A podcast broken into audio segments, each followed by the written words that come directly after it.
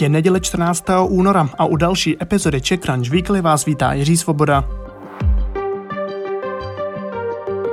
V tomto podcastu mluvíme o tom nejzásadnějším ze světa biznesu, lifestylu a technologií za poslední týden. Víc o všech tématech také na webu ccweekly.cz. Dnes se dozvíte třeba o velké české herní akvizici, problémech značky Pietro Filipy nebo novinkách na bitcoinovém trhu.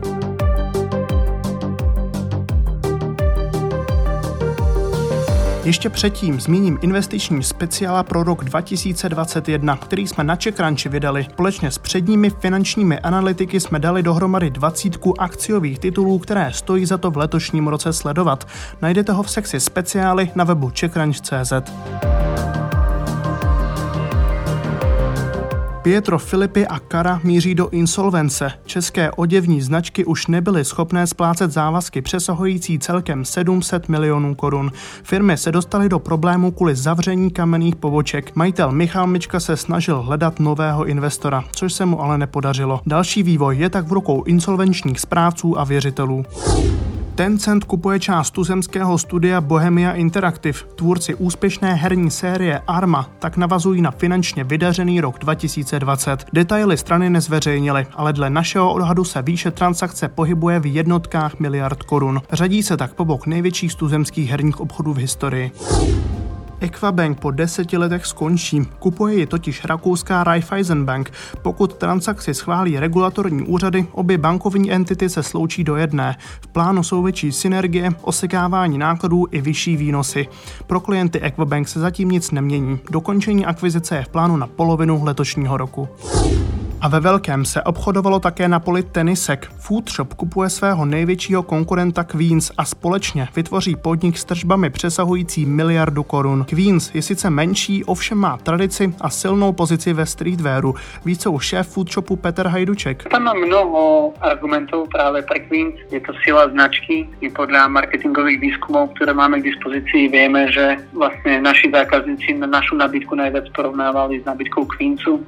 Zároveň jsme cítili, že tam je veľká príležitosť. Vo Foodshope len 25% tržieb je z Čech a zo Slovenska. Queence je to 90%, takže veríme, že tam môžeme priniesť tú geografickú expanziu a naše skúsenosti s ňou. V roce 2019 utržili 5 milionů, o rok později už 100 milionů korun. České menstruační kalhotky Snax zažily velmi úspěšný rok. Celkem jich prodali 140 tisíc a nespomalují. Letošek začal dalšími rekordy, když za leden prodala firma stejné množství kalhotek jako za prvních pět měsíců loňského roku. Trika s chrudimi, které nepropotíte ani neumažete. To je značka Citizen. Teď oznámila, že meziročně vyrostla o více než 500%. Její obrat tak překonal 30 milionů korun. Parta kamarádů s ní začínala zhruba před dvěma roky, takřka z nuly. Sortiment navíc rozšířili i směrem k ponožkám nebo rouškám.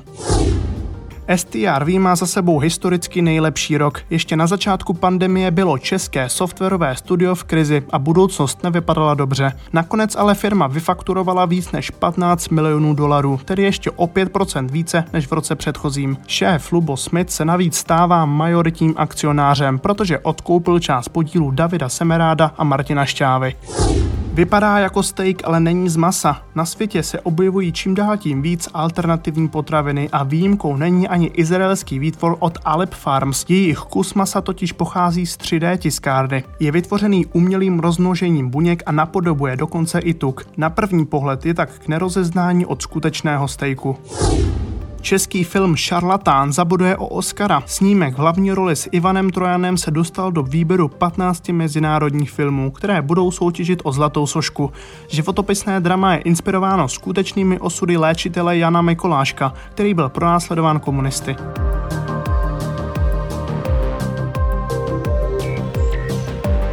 Vybíráme taky téma, které jste na Čekranči tento týden četli nejvíce. Bitcoin je opět středem pozornosti. V Česku poprvé překonala jeho cena hranici jednoho milionu korun. Ve světě pak v souvislosti s ním rozvířil vody Elon Musk.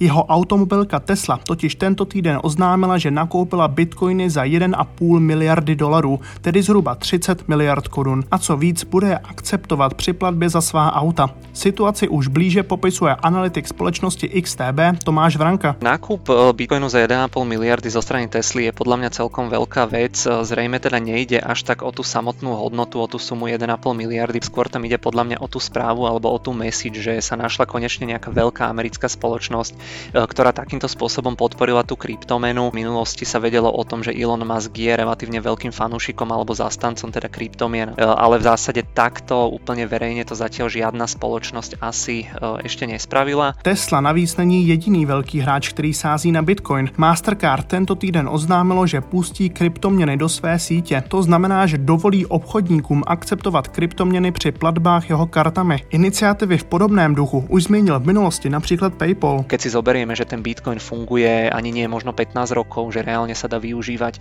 ani nie možno 5 rokov ako platidlo, tak si myslím, že napriek tejto krátkej dobe e, sa naozaj dostávame k tomu, že e, vzniká kopec spoločností, ktoré sú ochotné príjmať ten Bitcoin. Keď tomu dáme ešte, ešte zo pár možno mesiacov alebo rokov, keď sa tie platby ešte zrýchlia a zefektívne a bude to užívateľsky prívetivejšie, tak naozaj si myslím, že môže vzniknúť akési konkurenčné platidlo pre tie bežné peniaze. Podle Vranky se přibližujeme do doby, kdy vedle sebe budou stát jako platidla běžné peníze a právě kryptoměny.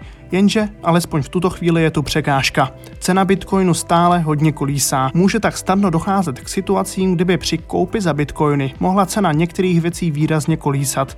I to by se ale časem mohlo změnit. Ta vysoká volatilita může představovat z toho dnešného úhla pohledu určitě ještě relativně velký problém, keď si však porovnáme, že aký je ten kryptomenový trh malý v porovnaní s nejakým peňažným bežným trhom, tak naozaj ta teória hovorí, že čím ako keby bude širšia akceptácia tých kryptomien alebo čím viac ľudí ho bude vlastniť, tak tým stabilnejšia by mala byť aj cena. Zase na druhú stranu je to také aktívum, ktoré v histórii nemá nejaký precedens, takže veľmi ťažko sa tam dá odhadovať, e, že či to takto reálne bude.